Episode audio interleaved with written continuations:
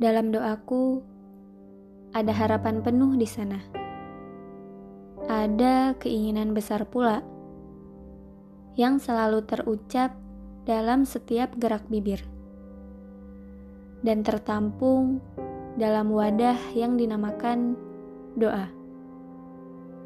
Semakin hari, semakin memenuhi tiap ruangnya, semakin membendung tanpa kehabisan jatah ruang dan semua ingin agar segera pergi menemui tempat tujuannya.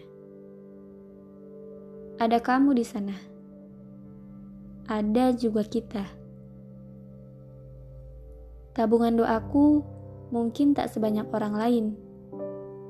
Tapi yang pasti ia ingin terpecahkan juga.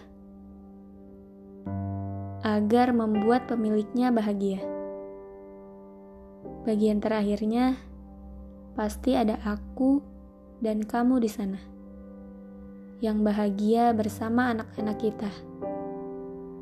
Semua kususun rapi pada tempatnya agar terlihat mana yang duluan pergi menemui tujuannya.